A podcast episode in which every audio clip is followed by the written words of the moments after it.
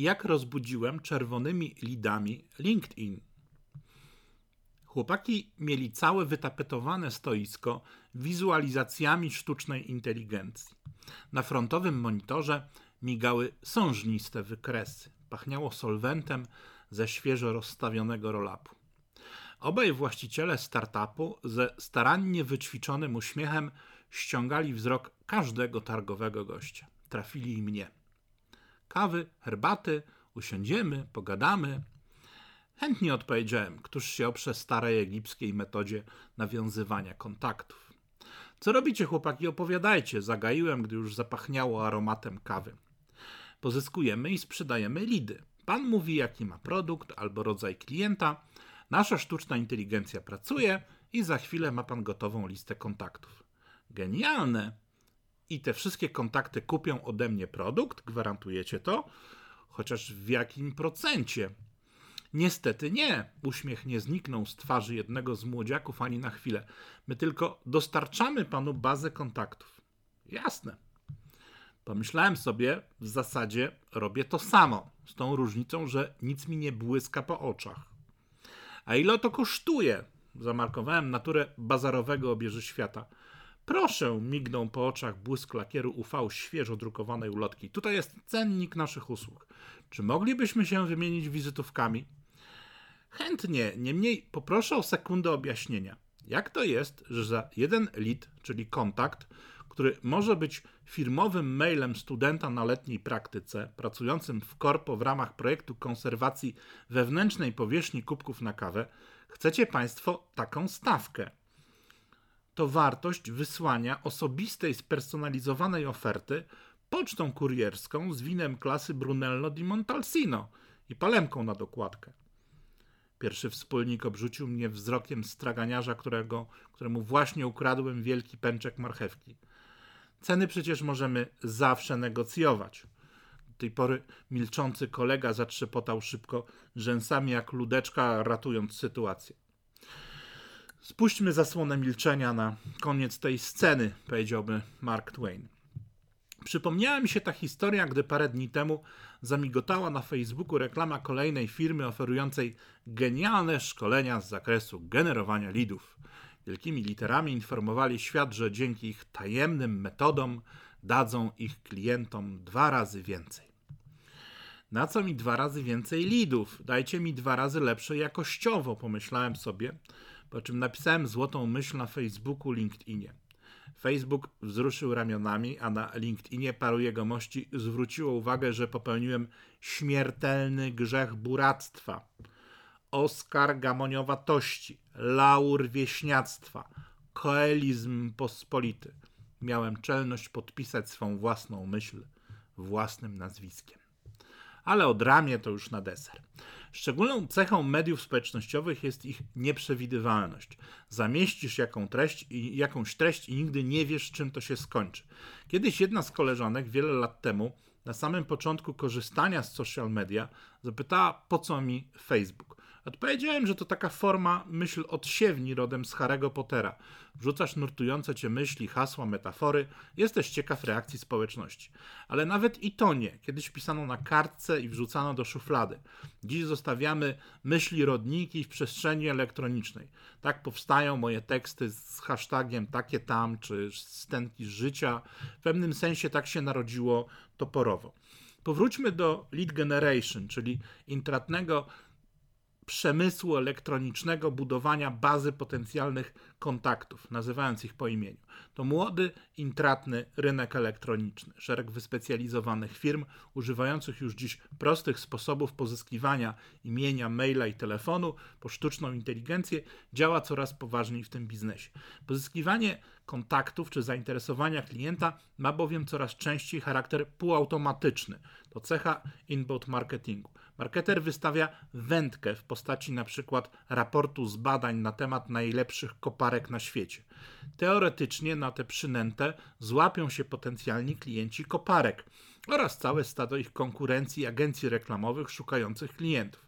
W przypadku sztucznej inteligencji jest to trochę bardziej skomplikowane, bo istotą jest poszukiwanie algorytmów, które w oparciu o dane behawioralne cudownym sposobem wyświetlą stosowną przynętę szefowi zakupu koparek na jego smartfonie, na stacji benzynowej, na przykład podczas porannego śniadania. Ów kliknie w nastawiony celownik, a potem do boju ruszy zwarta kadra handlowców. Biznes na lidach to bowiem wyższa szkoła jazdy. Tu nie ma konwersji na klikanie na pusto, jak w przypadku reklam typu display. Nie ma akcji, w której konwersję zrobią boty z Pakistanu. Tu nie ma akcji, że nic nie sprzedałeś, ale wyświetlili coś milion razy i za ten milion faktura jest realna. Tutaj są gotowe dane, nazywane często zimnymi lidami, które wymagają po prostu tak zwanego dogrzania, który później zamienia się w egzekucję lidu, czyli sprzedaż.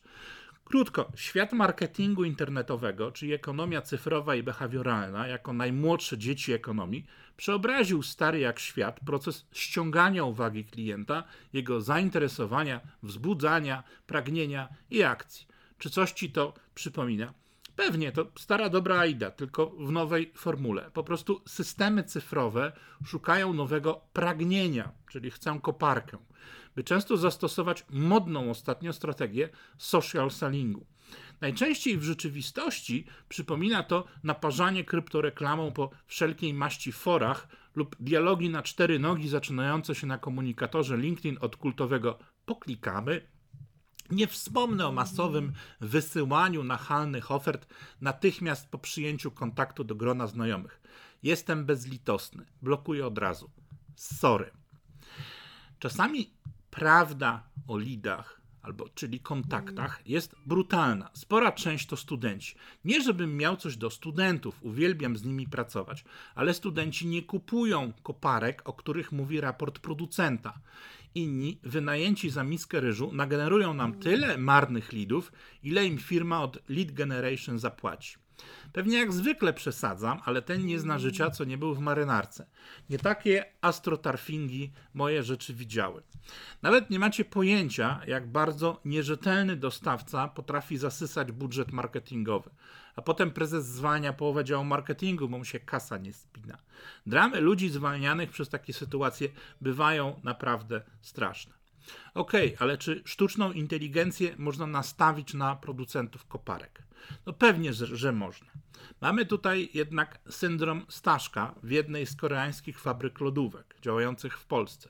Wszędzie na świecie do testowania zużycia mechanicznego drzwi od lodówki wyposażano jednostki testowe w taki system, który parę tysięcy razy dziennie otwierał i, za, i zamykał. W naszym kraju implementacja owej technologii była nieopłacalna. Pan Staszek, naparzający lodówkę 8 godzin dziennie, był po prostu tańszy. Kasa, misiu, kasa. To naprawdę na razie trochę kosztuje. Tylko potencjalni klienci koparek nadal szybciej pojadą na wielkie targi, gdzie spotkają potencjalnych klientów koparek. Świat B2B jest światem nadal relacyjnym. Stawiam kości przeciwko orzechom, że im więcej będzie automatyzacji w procedurach i procesach zdobywania i obsługi klienta, tym znaczenie kontaktu osobistego będzie rosło. Poza tym umówmy się, żaden potencjalny klient nie napisze na Facebooku: Drogi Buniu, jakie koparki polecasz? Myślę, że odzew byłby wielki, ale nie sądzę, by w, akurat w przemyśle ciężkim, choć nigdy nie wiadomo. Nawet jeśli już tę koparkę kupimy, to w ramach remarketingu ganiać nas będą reklamy innych koparek. koparek. Nazywam to syndromem Kurasa, na cześć Artura Kurasińskiego. Artur kiedyś kupił online oczyszczacz powietrza. Potem narzekał, że wszędzie gonią go reklamy innych oczyszczaczy. Bez sensu.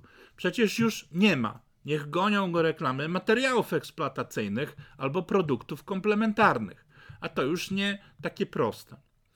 Kluczem do zrozumienia zarządzania marką 360 stopni są zachowania klientów w ramach całego Customer Journey. Generowanie leadów jest tylko jednym z elementów całości procesu strategii marketingowej.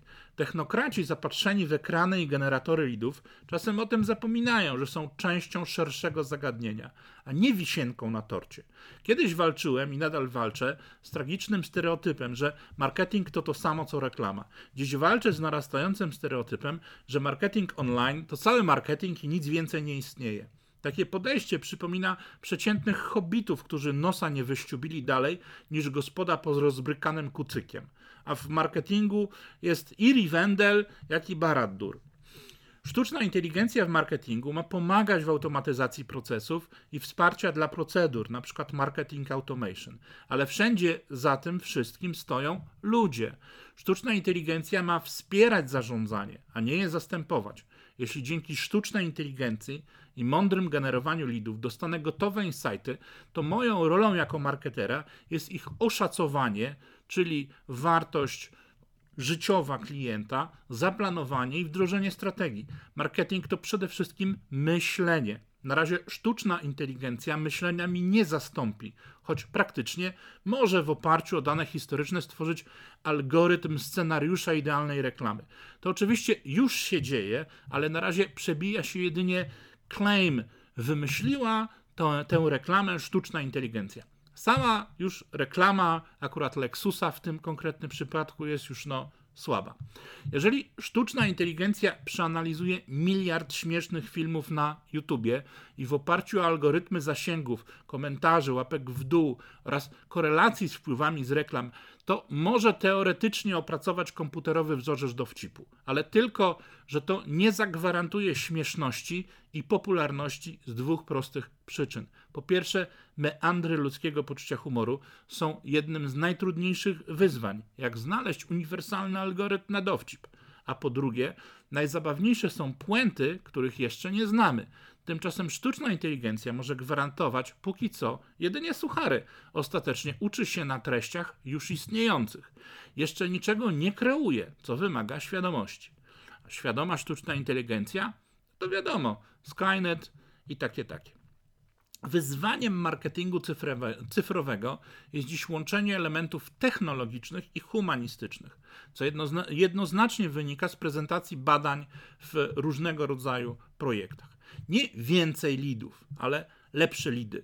Ale lepsze nie oznacza znalezienie cudownego algorytmu na sprzedaż, tak jak nie ma uniwersalnego pomysłu na dowcip. Proces zakupowy jest bowiem jednym z najtrudniejszych wyzwań dla ludzkiego mózgu. Już było paru magików, którym wydawało się, że znaleźli czerwony przycisk kupuj. Naciskasz, a naród jak zombie biegnie i kupuje. Chociaż nie, no, są takie dwa. Jeden to za darmo, a drugi Black Friday. No ale mniejsze. Ważne jest to, by nie dawać się przepierać magikom, którzy nam wciskają kit więcej lidów. Więcej lidów najczęściej oznacza zwiększenie zakupów na pranie mózgów online, a nie na mądrą strategię online. Nie potrzebujecie więcej, tylko lepiej. No i na zakończenie drama. Cała drama na LinkedInie zaczęła się od pewnego sfrustrowanego pracownika firmy technologicznej. Nomen, onem, nomen omen z sektora technologii marketingowych. Zrobiłem oczy jak kot ze Szreka, bo spodziewałem się jakiegoś merytorycznego natarcia. A tu nie, po prostu był to temat z cyklu Jak śmiem się autocytować. Trochę jakbym namalował obraz i go nie podpisał.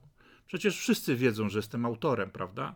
Temat byłby nie wart wspominki, ale moja myśl koelowska autopodpisana trafiła na facebookowy profil, który robi sobie heheszki z LinkedIna. Jakże tam się to wszystko potoczyło wartym nurtem wyzwisk, szydery i wszelkiej maści bogactwa sieciowego i leczenia własnych frustracji. Zebrałem naprawdę ponownie bogaty materiał do książki Hejtolandia. Mówiąc krótko na zakończenie, żyjemy w Polsce. Podpisujcie swoje zdjęcia. Podpisujcie swoje złote myśli. Podpisujcie swoje filmy. Cokolwiek, co stworzycie i wrzucacie do sieci. Internet bowiem jest pełen o wiele mniej kreatywnych ludzi niż wy, którzy twój pomysł czy treść chętnie wezmą jako swoje. I nie przejmujcie się trollami i hejterami. Przypominają często tanich geszefciarzy, którzy udają wujka dobra rada, a za plecami ukradną wam cukierki. thank you